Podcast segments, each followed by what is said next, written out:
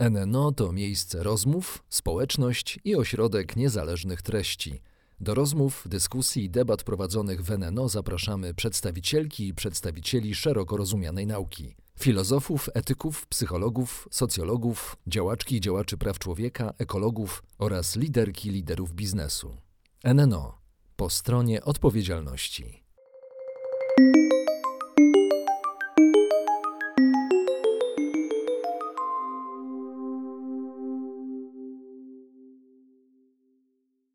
Dzień dobry, witam Państwa bardzo serdecznie. A dzisiaj naszym gościem jest pan profesor Tadeusz Bartoś, filozof i publicysta, profesor Akademii Humanistycznej imienia Aleksandra Giejsztora w Półtusku, dyrektor programowy Warszawskiego Studium Filozofii i Teologii. Pan profesor publikował w Gazecie Wyborczej, Tygodniku Powszechnym, Polityce, Newsweeku, Współpracuje obecnie z tygodnikiem Przegląd. Jest też autorem książek filozoficznych. Panie profesorze, dziękuję bardzo za to, że zgodził się Pan być z nami. Dziękuję bardzo za zaproszenie. Miło mi, że będziemy mogli porozmawiać. Porozmawiamy o biznesie i o etyce. Panie profesorze, biznes funkcjonuje w warunkach, które zresztą sam sobie narzucił, to znaczy maksymaliza maksymalizacji zysku pomiędzy zarabianiem a zachowywaniem się fair, pomiędzy tymi dwoma pozycjami.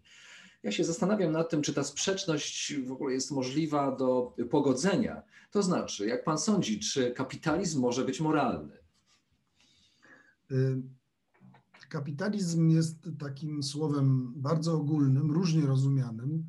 Y, lepiej jest mówić o, i, i tak jak kapitalizmowi, tak państwu, a takim abstrakcyjnym tworom, y, trudno przypisywać cechy osobowe, więc y, lepiej będzie i precyzyjniej mówić o tym, czy ludzie, przedsiębiorcy, kapitaliści, czy są moralni, mogą się zachowywać moralnie, czy nie. Więc niewątpliwie jedni tak, drudzy nie.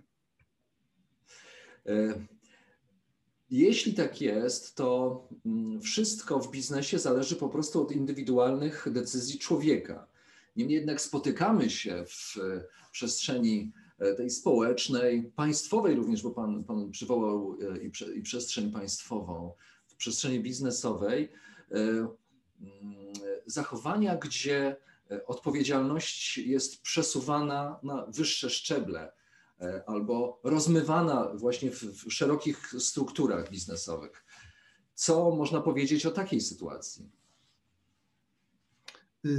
Tak, wydaje mi się, że gdy przyglądamy się tej pojedynczemu przedsiębiorcy, jak każdemu człowiekowi, y, to takim kluczowym elementem dys, dystynktywnym, y, gdy powiemy o człowieku, że jest moralny, niemoralny, w biznesie to bardzo dobrze widać, to jest kwestia zachowania y, zasad sprawiedliwości. Ktoś jest sprawiedliwy, ktoś jest niesprawiedliwy.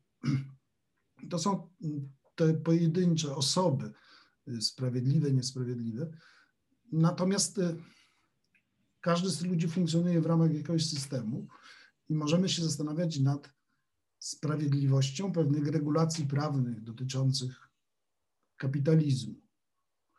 Więc y, one zresztą są dosyć wyraźne. Na przykład jest zasada, że należy dochowywać umów. To jest jedna z podstawowych zasad w prawnych i ona dotyczy także kapitalizmu.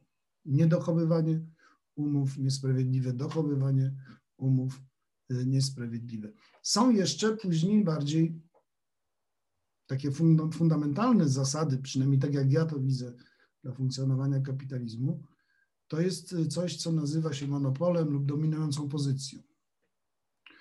Zawsze, gdy ktoś ma za dużo władzy, będzie je nadużywał. Więc y, prawa dotyczące demonopolizacji y, są y, z punktu widzenia przynajmniej pragmatycznego sprawiedliwe y, i konieczne, ponieważ no, zbyt uzbrojony jeden człowiek jest zbyt niebezpieczny. Jak to się dzieje, Pana zdaniem? Jaki mechanizm rządzi takim zbyt uzbrojonym człowiekiem? To znaczy, dlaczego mechanizm władzy no niejako być może nawet nie pozostawia wyboru, to znaczy władza, jak mogliśmy się przekonać w historii, i być może część z naszych odbiorców przekonuje się, obserwując to, co się dzieje na, na świecie, że władza jest taka, że się ją celebruje na różne sposoby, to znaczy uwidacznia się władzę, chce się ją pokazywać i okazywać na, na zewnątrz. Tak, to jest ten aspekt y, zewnętrzny. Tu mamy dwa przynajmniej typy ludzi, którzy to robią. Niedowartościowani, którzy się chcą dowartościować.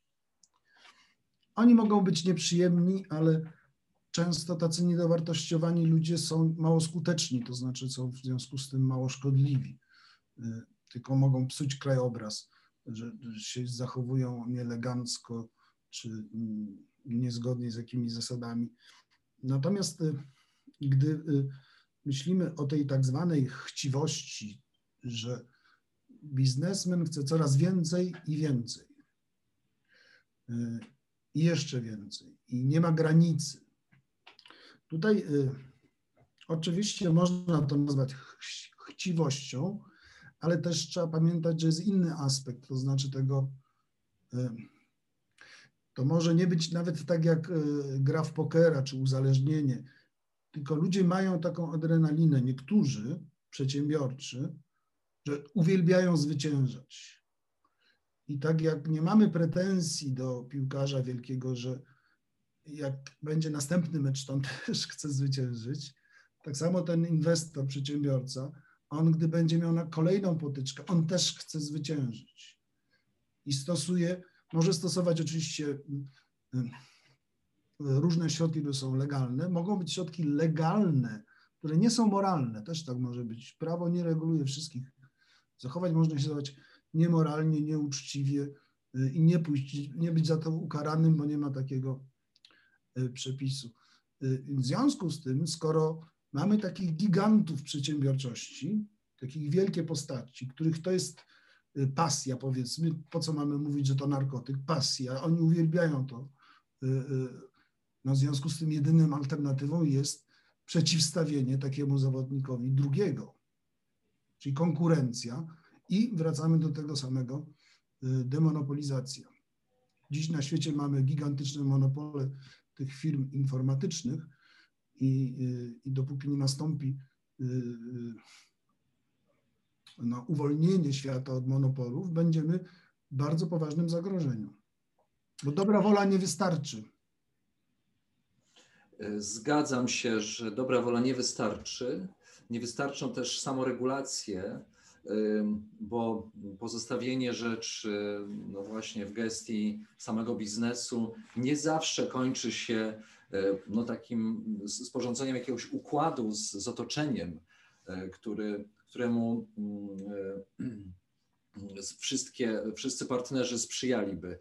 Natomiast e, mnie zainteresowało to, mm, co, co powiedział Pan, to znaczy o, e, o, tej, o tej przestrzeni pomiędzy regulacjami, owszem, ale prawa, a, a działaniem. To znaczy, wskazał Pan na to, że są sytuacje, w których można działać, prawo nie skazuje, czy nie, nie ma tego potencjału skazania kogoś za niewłaściwe zachowanie, a jednak jest to zachowanie, gdzie już korzysta się z zasobów no, przyrody, z, z, społeczeństwa, czyli gra się nie fair. E, jak to jest możliwe, że, że takie sytuacje mm, następują? No, to jest zawsze y, pewien opóźnienie y, systemu prawnego. On czasami nie, nie, nie nadąża a czasami nigdy nie zajmuje się tym, nie reguluje pewnych kwestii. Więc y, to opóźnienie istnieje z powodu tego, że trzeba rozpoznać. Ktoś musi rozpoznać problem, na przykład mobbingu w pracy. Kiedyś go nie rozpoznawano, a on był. Od 20, może 30 lat to jest w ogóle jakikolwiek problem. To słowo pewnie ma tyle lat. Y, więc y, wcześniej to było pewnie legalne, w tym sensie, że nie było żadnego przepisu, który by to dręczenie, nękanie psychiczne, czyli na przykład ciągłe powtarzanie krytycznych uwag. Ja nie wiem dziś, ja nie jestem specjalistą prawa pracy, ale czy y, to naprawdę w sądzie, w sądzie biznesmen, który ciągle jest krytyczny wobec pracownika, gdy zostanie oskarżony o mobbing czy o dręczenie, nie musi przegrać, ponieważ może uzasadniać, że te jego uwagi były słuszne i trafne i tak dalej, i tak dalej. Więc jest zawsze ta, ta granica taka. No i więc prawo nie nadąża z jednej strony za nowymi sytuacjami, y, no a y, z drugiej strony czasami w ogóle regulacje prawne y, pewnych zachowań, pewnych sytuacji nie będą nigdy występowały. To jest ze średniowiecza jest taka, ja się kiedyś zajmowałem Tomaszem Zakwinu, a on się zajmował trochę wszystkim, to znaczy filozofią, także, także rozumieniem prawa. I tam e, w średniowieczu istnieje takie pytanie, czy każdy grzech, to jest język religijny, więc e, tutaj takiego używamy, czy każdy grzech należy penalizować?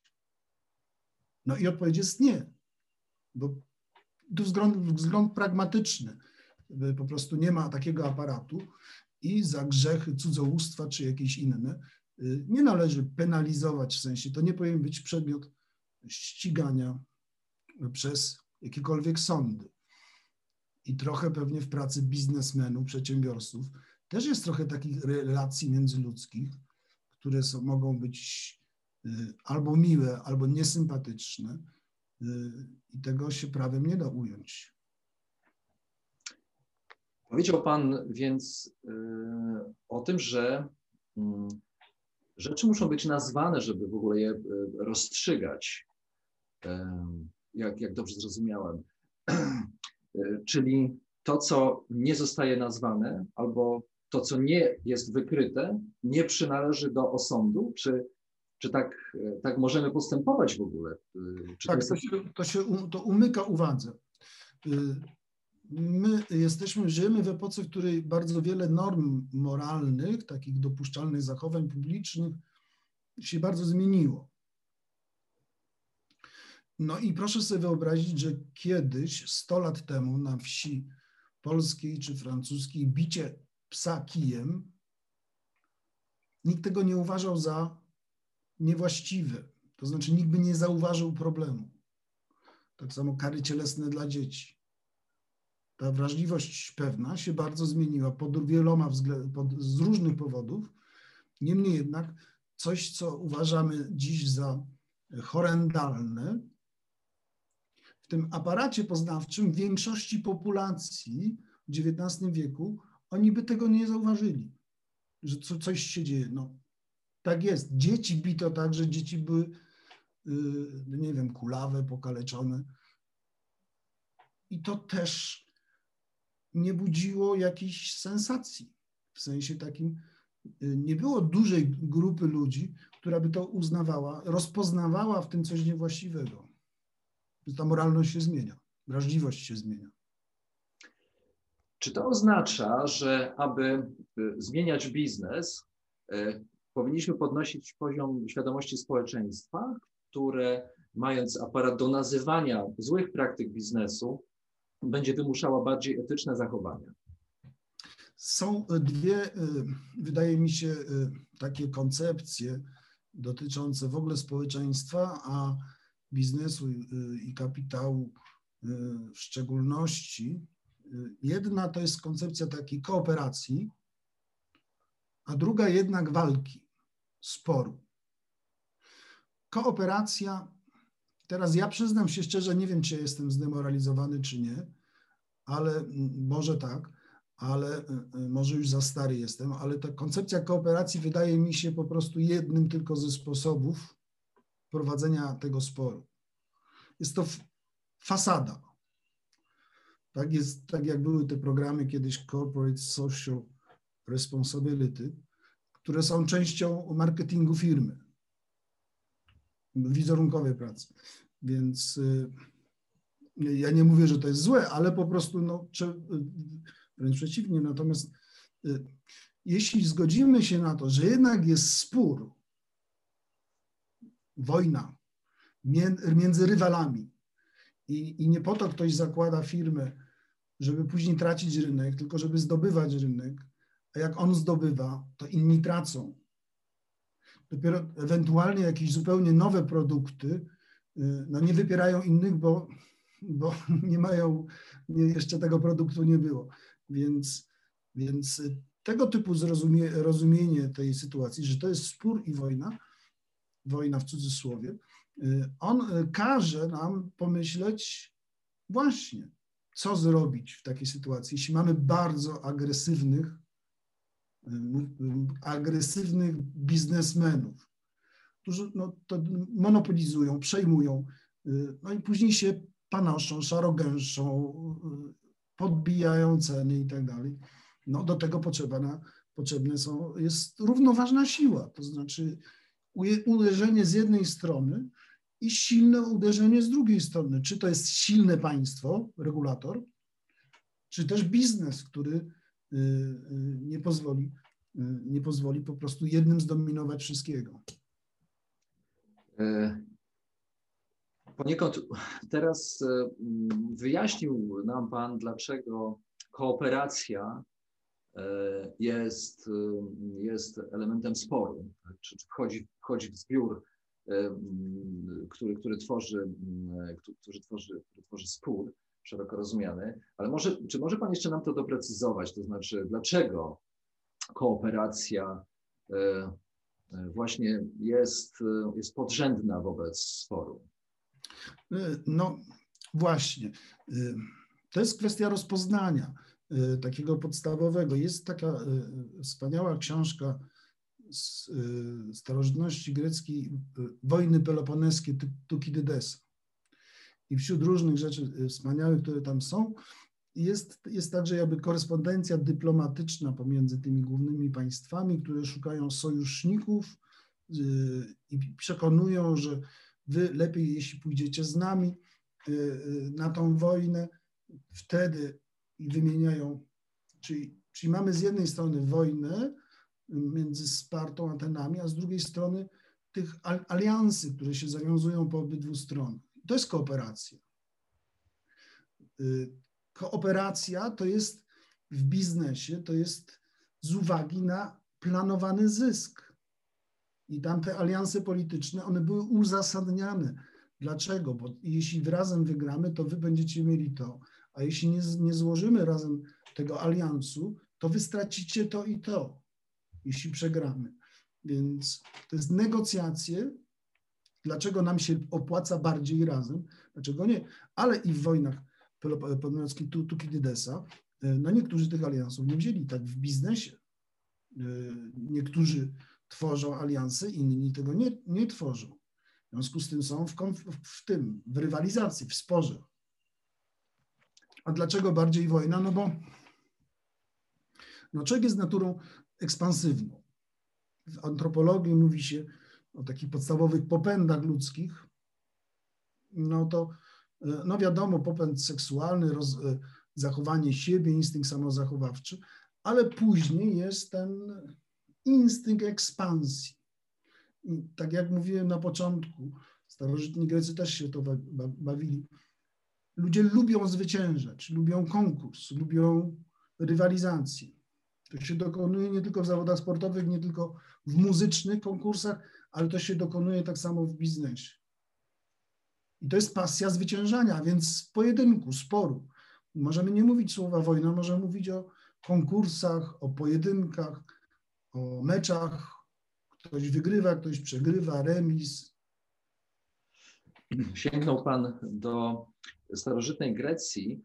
E, ja mm, przyznam się szczerze, że rozpatruję często y, tę maksymę Sokratesa, że cnota jest tylko jedna i że po prostu ludzie, przynajmniej tak jak ja to rozumiem, że ludzie powinni być krystaliczni.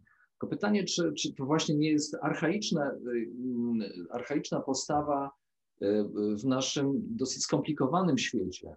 Bo przecież może być taka sytuacja, że, że biznesmen działając na rynku w sposób, załóżmy, że mm, mm, lekko nieetyczny, zakłada fundację pomagającą dzieciom z, ze środowisk z trudnym startem i ta fundacja ma na swoim koncie autentyczne sukcesy.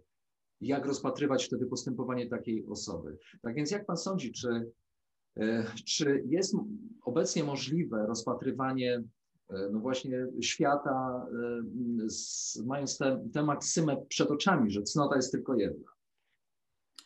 No właśnie, u Sokratesa mamy mm, takie rozpatrywanie spraw z punktu widzenia indywidualnej jednostki i jej etyczności.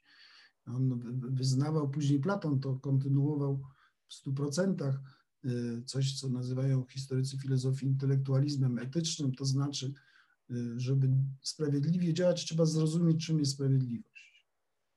I jak będę dobrze rozumiał, ci, którzy działają niesprawiedliwie, po prostu nie wiedzą, że działają, y, czy nie wiedzą, czym jest sprawiedliwość. To jest kwestia takiego zaangażowania po stronie właśnie sprawiedliwości.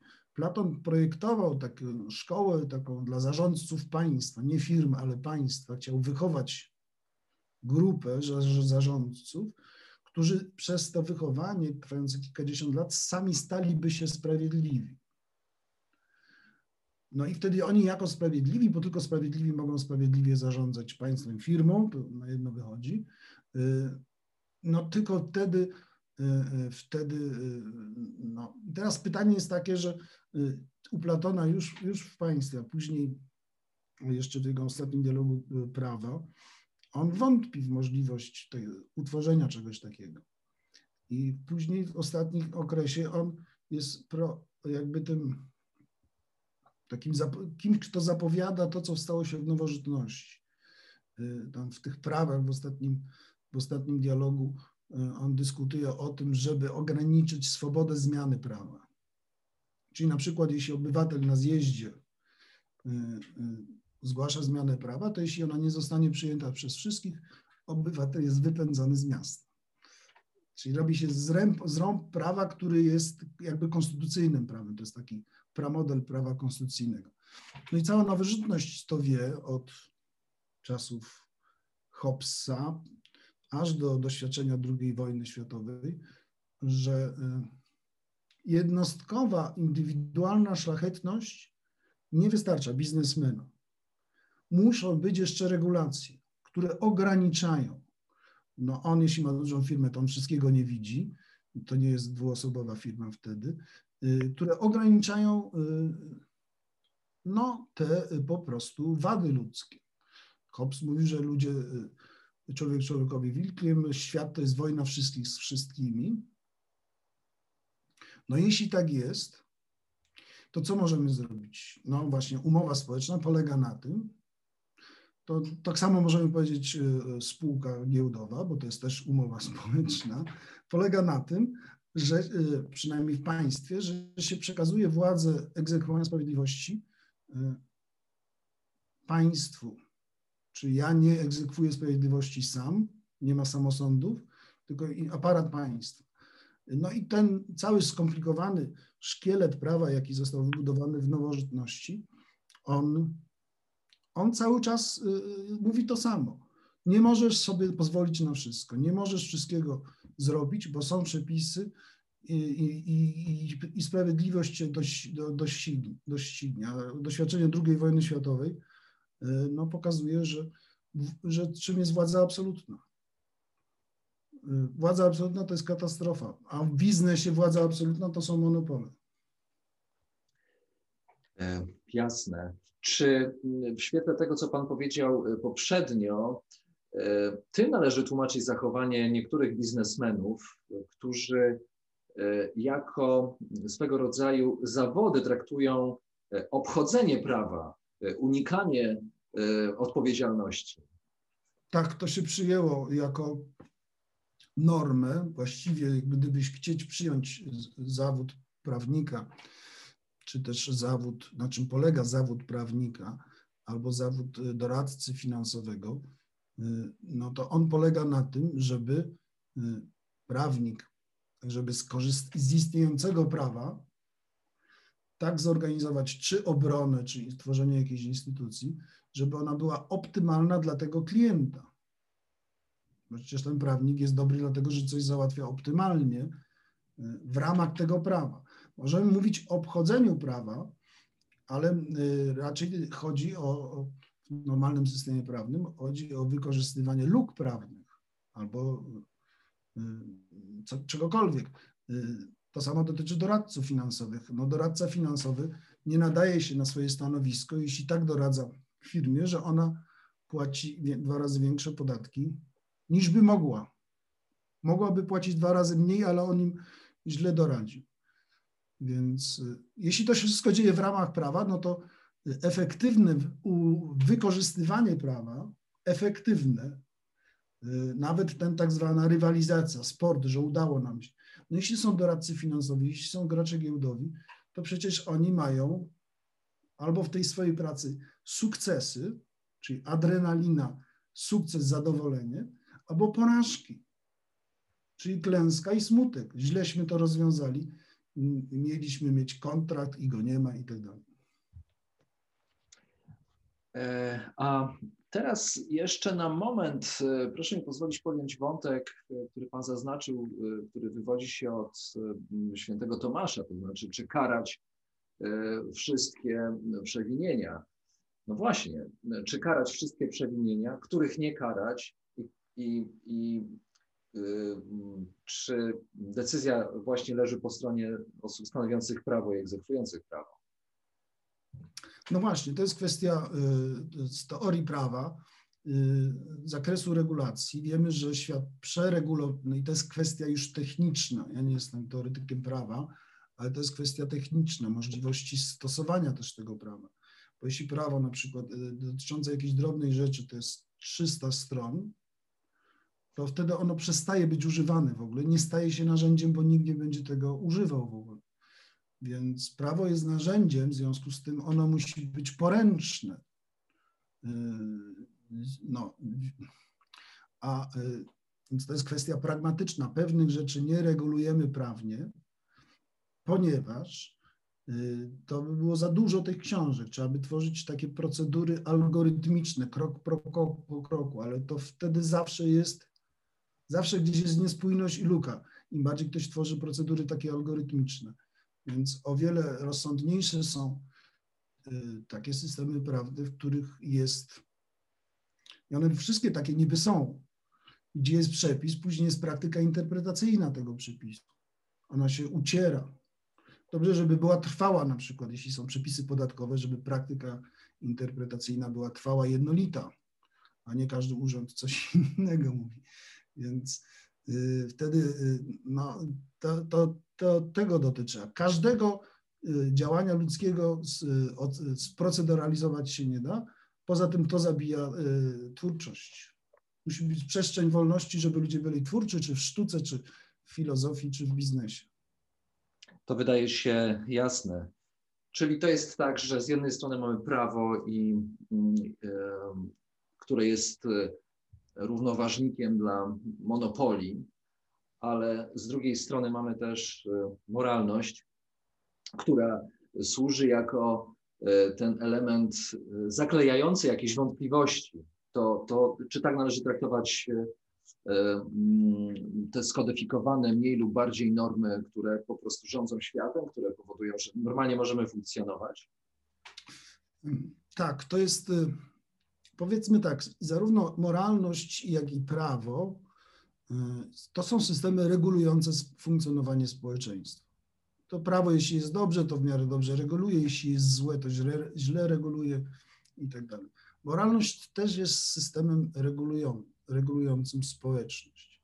Zasadnicza większość e, takich poważnych przestępstw przeciwko moralności jest regulowana w prawie. Czy złodziejstwo, czy zabójstwo, czy y, wszystkie grube rzeczy, to jest, się pokrywa moralność y, z prawem. Natomiast istnieje coś takiego, moralność jako pewien obyczaj. Obyczaj, styl bycia i być może y, są różne obyczaje dotyczące, ja tu niestety nie jestem fachowcem, obyczaje dotyczące styl prowadzenia biznesu. Być może jest taki styl, w którym można kogoś podpuszczać, mm, udawać, że się coś robi. Y, że chcemy podjąć negocjację, umowę, podpuszczamy, udajemy, żeby się czegoś dowiedzieć, na przykład jakie są Twoje plany. No to są rzeczy niemoralne. Y, z pewnego typu wrażliwości, znaczy wyciąganie danych to już pewnie w każdej wrażliwości byłoby już nieetyczne. Natomiast pewien rodzaj a takich. No jeśli na coś się umówiliśmy, to się umówiliśmy, to już później nie zrywamy. To jest taki rodzaj wrażliwości. No ale tacy są tacy, co nie mają. No umówiliśmy się, no ale no, zmieniły się warunki, tośmy się umówili wtedy, ale teraz jest inaczej. I ten y, drugi może się czuć oszukany, y, choć nigdzie prawo nie zostało złamane, więc tutaj y, to są być może lokalne, różnice lokalne. Ja nie chcę się nawet wypowiadać o różnych krajach, ale pewnie różne kultury biznesowe istnieją.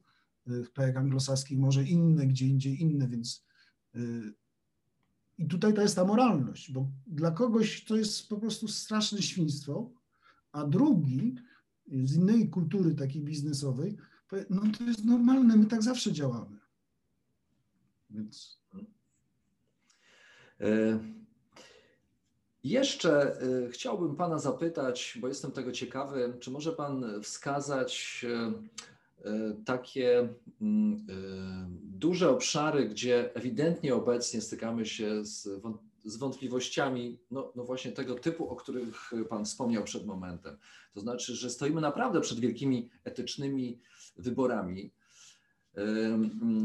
od których zależy los no, społeczeństwa, zależy los gospodarki, zależy los e, państwa, czy, czy nawet szerzej jeszcze moglibyśmy spojrzeć na, na, na kontynenty i w ogóle na świat. Czy ogniskuje Pan, czy, czy widzi Pan takie, takie, takie elementy, które, e, czy tak, takie miejsca, gdzie już ten konflikt, konflikt się tli, jest jakieś zarzewie czegoś, co, co, co, co będziemy musieli e, w jakiś sposób e, czy, czy zwalczyć, czy po prostu rozwiązać? No tak, podstawowe problemy dziś na świecie to jest efekt ocieplenia klimatycznego. I to jest kilkadziesiąt lat zaniedbań. Jeśli się opowiada, że torebki pływają po oceanach foliowych, to naprawdę torebki materiałowe mogły być wprowadzone na świecie zawsze.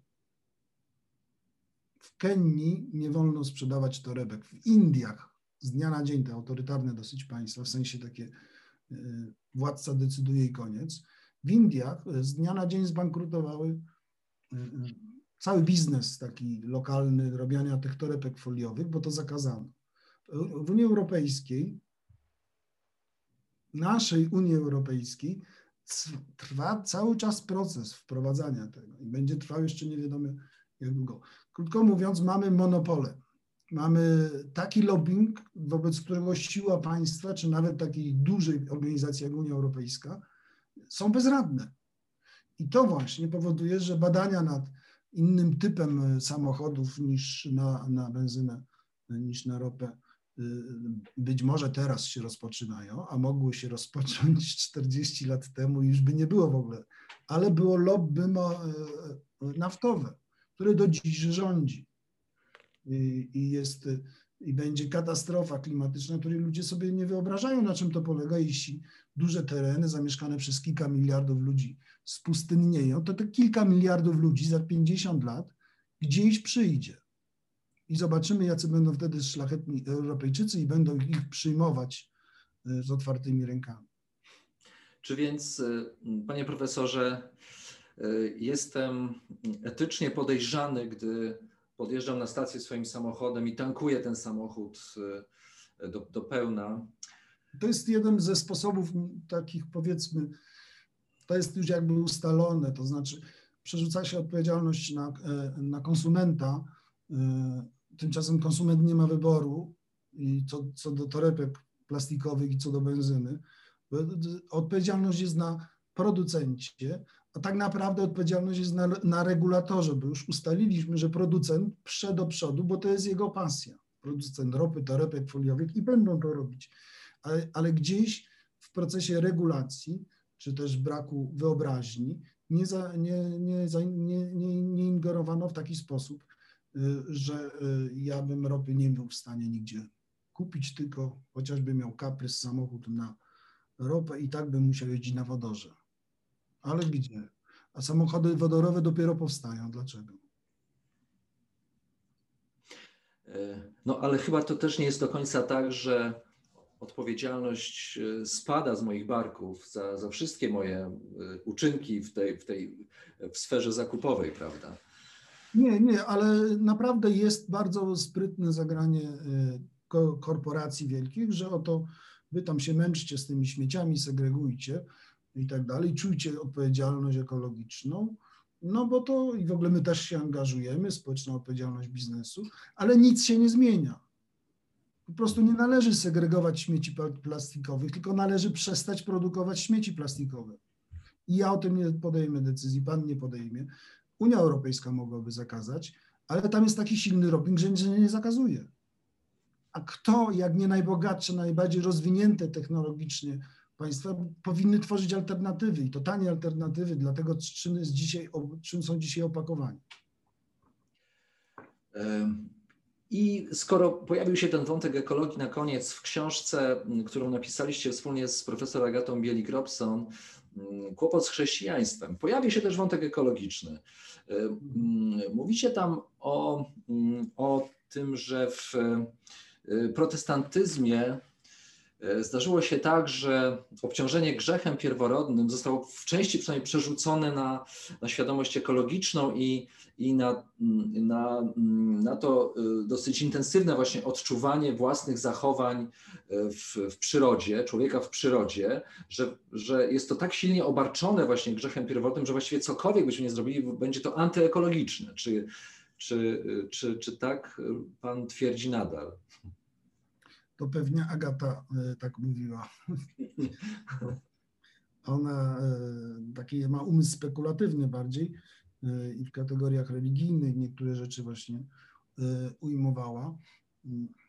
No jest oczywiście pytanie o to, na, na, co napędza tą eksploatację przyrody, co napędza wykorzystywanie źródeł, czyli do końca wszystko pobierzmy. Teraz metale rzadkie do tych baterii i tak dalej. Wszystko, wszystko natychmiast musimy skonsumować. Co takiego jest w tym? Y, no to jest rozwój technologiczny. Rozwój technologiczny, mm, on się rozpoczął y, od XVI-XVII wieku.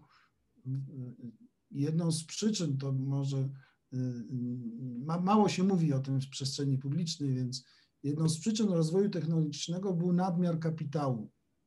Byli już bogaci ludzie, którzy nie wiedzieli, co zrobić z pieniędzmi w XVIII-XVI wieku we Francji, w Anglii i płacili różnym takim wynalazcom, czyli y, inwestowali w rozwój technologii. To y, y, nie jest wykluczone, że ten rozwój nauki nie rozwinął, nie, nie byłby możliwy, gdyby nie inwestorzy już wtedy.